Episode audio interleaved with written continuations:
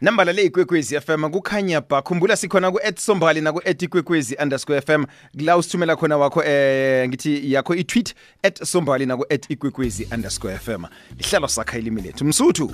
Kulotshise mhlalukwana ngikubuze namavuko nabalaleli bakho. Thina sivuke kuhle khulu kwamamarana kwethu singathabela ukuzwa ngakini? Ah nokho eh kwathi umuntu wathi hawa impilo kuyemayema nambala impilo kuye omunye ke wathi ukugwaba kuzibethela. Namhlanje ke icho bonyana izinto oqalene nazo zizinto ekufuze uqalane nazo. Nambala yilwa uzihlule impilo yephambili wow. Ukugwaba kuzibethela. Hmm. Bubuhle belimi lobo ngoba na em ukuhlala kuhle ngaleyo ndlela kwekulumo yinto esingasayenziko namtjana esingasayisebenzisi kaningi em elimini lethu. Nenza ukuthi ubuhle nokunotha kwelimi lethu kugcine kuba yinto e- esi esingayithabeli ngokwaneleko. Kunjalo ngombana komunye na ukhuluma ngokugwaba namhlanje ukhuluma ngomuntu wabetha isibhuku. Iye eh kanti komunye namhlanje uzwisa ukuthi hawa nakuthiwa ungugwabani kutsho ukuthi kuyokwela wena ngoma ayivela. Awa kwakhe kwaba nesikopilo lokugwaba esikweni lesindebele ugwabani ogwabako?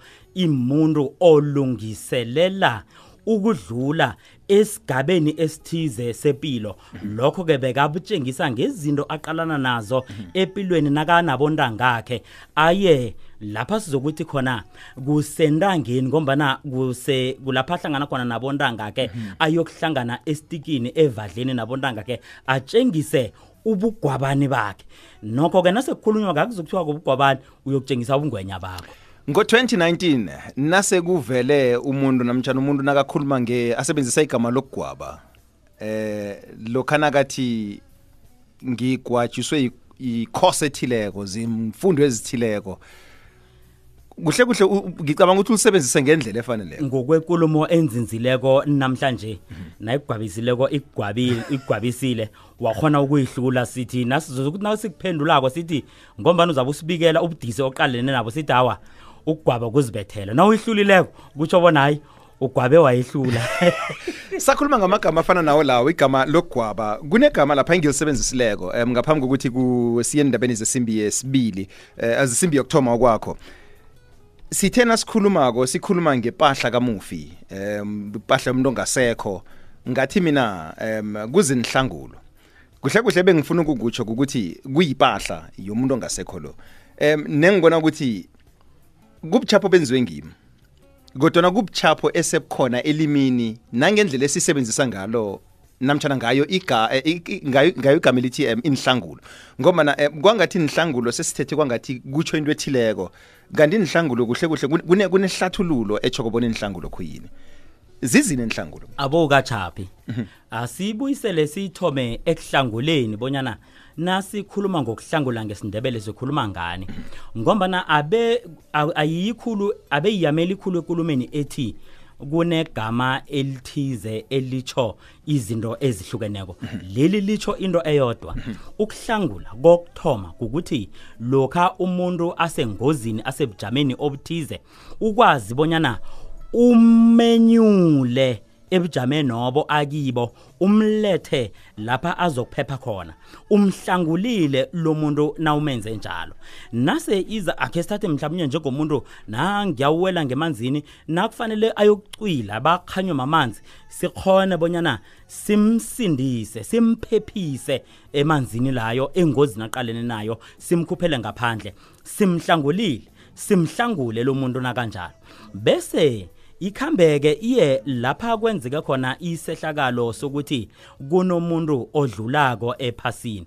Umuntu odlulako ephasini uyahlangulwa njengokuthi kune izinto thize pahla thize efunekako bonyana kufuze ibe khona isale. Ingasala ke ngendlela eziningi isala ngokusetshenziswa ngokwezizathu eziningi njengokuthi nasimhlangulako umuntu oseladlulile kwephasini simthathela ipahla ayembetheko. Okutsho bona-ke siya- siyayihlangula iba zinhlangulo ngombana lezi iba bufakazi bokuthi nguye ukhambile yena.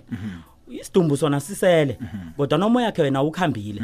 Sithi lapha bafike bambutha khona simhlangule. Ngombana imuntu wekhaya bekhabo omkhulu zizinto ekufuze babone ngazo thina nasibabikelako bonyana ngilezi inhlangulo zakhe esamhlangula zona ezibufakazi bonyana awambala ukhambile. Inhlangulo ke iba ke zizinto zomuntu okhambile kolo eziseleko nezinomsebenzi wazo ke ngokwesiko eh lomuntu ngokwesiko lesintu inhlangulo ngendlela uveza ihlathululo yokuhlangula ngakhona inhlangulo kuza kutsho then ukuthi ngilokho akwem- akwembetheko kwangaleso sikhathi.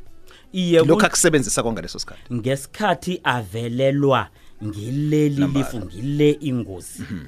Iba bufakazi ke bonyana lokhu kungokugcina ayegade anakho kuya siyamhlangula.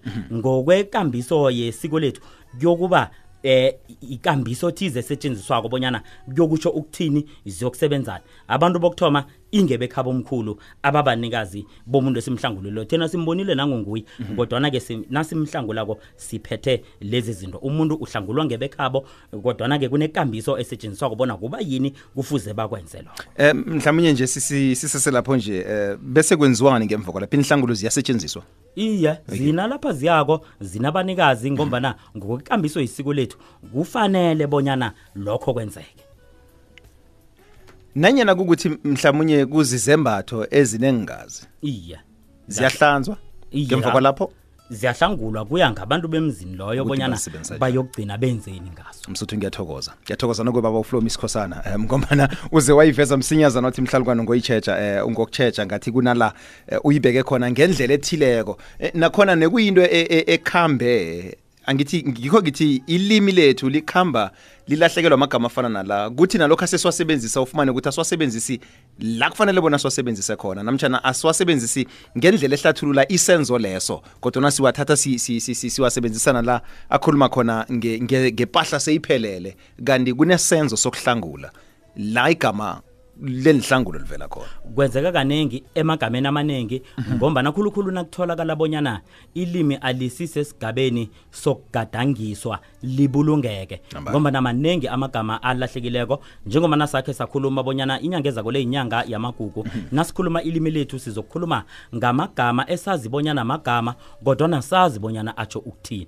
Amanye asebongweni amanye asemakhosini amanye akubokhokho bethu. Kodwana sikhumbule bonyana nabegade kuthiwa umuntu ibizo kwakugade kuthiwa ukubulunga umlando. Umlando ubulungeka ngesiko lawo ikambiso yalo kodwa nezehlakalo ezazikade zisenzeka. Ibizo elithiywako laligade lisitsho okuthize. Namhlanje kubonakala amabizo angasanakho ukuthi atsho ukuthini ngombana kusilahlekele imatshumi amabili nemzuzu emine ngemva kwesimbi yesibili 24 minutes past 2 o'clock. Namhlanje simsuthu asikhambi sobabili kwaphela ehlelweni sakha ilimi lethu kwamambala sithi asithokozise isigungu esitsha esikhethiweko sabaphathi belimi lesindebele ngaphasi kwe-national language body nlb ebizwa bonyana yi ikhwezi national language board ngaphasi kwe-pan africanist pan south african language body ipensalp akhe samukele uvincent mahlangu okhethwe bona abe mdosi phambili walesi sigungu esitsha njengosihlalo. Ndungwa. Eh siyathokoza Msuthu siyathokoza Mhlalekwana. Ab- Bese nabalaleli emakhaya. sithokoza besikazi ukudisha nawe isikhathi khulu ngoba inkulumo zona zisaza kuba khona esingathabela ukukwazi nokho eh, ukuthi kokuthoma sinithokozise wena nesigungu sakho ngale misebenzi ebekwe emahlombe wenu ethweswe emahlombe wenu begodu nokuthatha ithuba elibona akhe usazise bonyana bobani ozabe ukhambisana nabo kilo msebenzi Nangembala eh, Msuthu eh, sithokoza isekelo singakabi ukuthoma ukusebenza eh sizoyiraga ngberekiswano nechibiswano labalaleli eh, namandebele okana i i-NLB ihlangene ibotshelwe okwanjeni silingile ukuvanga em amandebele eh mahlangothi wonke em eh, sivangile njengokutsho mina ngingusihlalo. Em unomgqibelo kwamotha eh isandla sakasihlalo. Ngokutsho njalo ngithanda ukutsho ukuthi silingile ukufaka unzunza nomanala. Aphelele ngendlela khona ngokubambisana enkhundleni lezi ezikhona. Sinabo kodi eh ubaba uJudas Sikhosana. Wathi ngithomela kunomgqibelo omuthi unomgqibelo omutsha lo uyi eh, deputy director. Ngizokahanyana ngesikhuwa ngenxa yesikhathi ngokujaha. Um u-deputy director lapha em- emnyangweni weze eh, eh, communication government communication and information systems. Um sinobaba uJudas Sikhosana naye ungisolimi lapha eParliament yena ke ulilunga elibuyelelako ke eh sibona ukuthi sifake nalabo abakade ukuze bahone ukusisiza eh sikhambisane indlela le. Sinoma umncedi Nduli ungumfundisi ungumtloli wencwadi ufundisa lapha e eMosi Primary School. Sinaye ubaba uTom Sindane siyamazi uTom Sindane ungisolimi eh eminyangweni wezobukhwari nokuzithabisa nezemidlalo ungumtloli wencwadi empumalanga um department of uh, sports arts and recreation.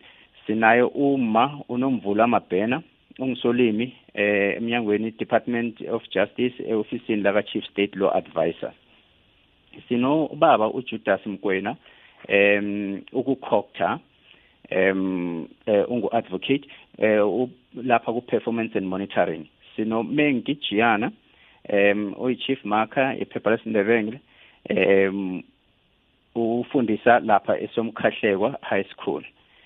Sino baba uJanuary Mthimunye naye ungi- ungumfundisi. Angazi net ukuthi ufundisa uphi sengikhohliwe sino umma uRebecca Sikhosana eh ungusolimi eminyangweni wezefundo ephakeme higher education and training. Sino baba uSamuel eh, Mashiana eh ungumfundisi esiphilisiwe junior secondary school. Sino baba ubafana Mthweni eh ungusolimi eParliament bese ke siba noma eh, uSiponono Mahlangu eh, oyi lecturer e University of Pretoria. Ngokutsho njalo ke i- i- ihlangene ibambe yonke imikhakha yabamba eh, nabo solwazi ngokuhlangana kwabo ukuthi lo eh ukhona unekhono ngakuphi umkhakha nalo unekhono ngawuphi sicabangile ukuthi maybe si mhlawumbe se- sembese konke amandebela azokufuna.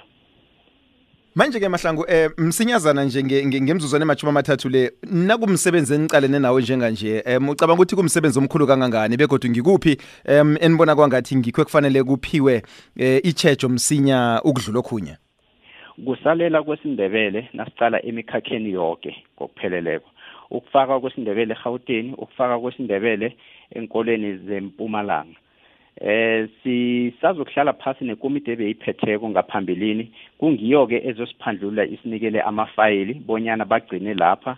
Ukuthi thina singathoma kuphi sigcine kuphi. Okwanje si ilwazelo benginganalo khulu ukuthi ngukuphi esiyokuthoma ngakho okukhulu. Kodwana nabasitshelako umsebenzi esindebeleni ube mnengi khulu ngendlela ekuthola ukuthi udlula ibudget le ebasinikele yona. Sisakhulumisana nangayo ukuthi kungenzeka bayingezelele kancazanana ukuze ikhona ukwembatha yonke imisebenzi ebasiphe yona le.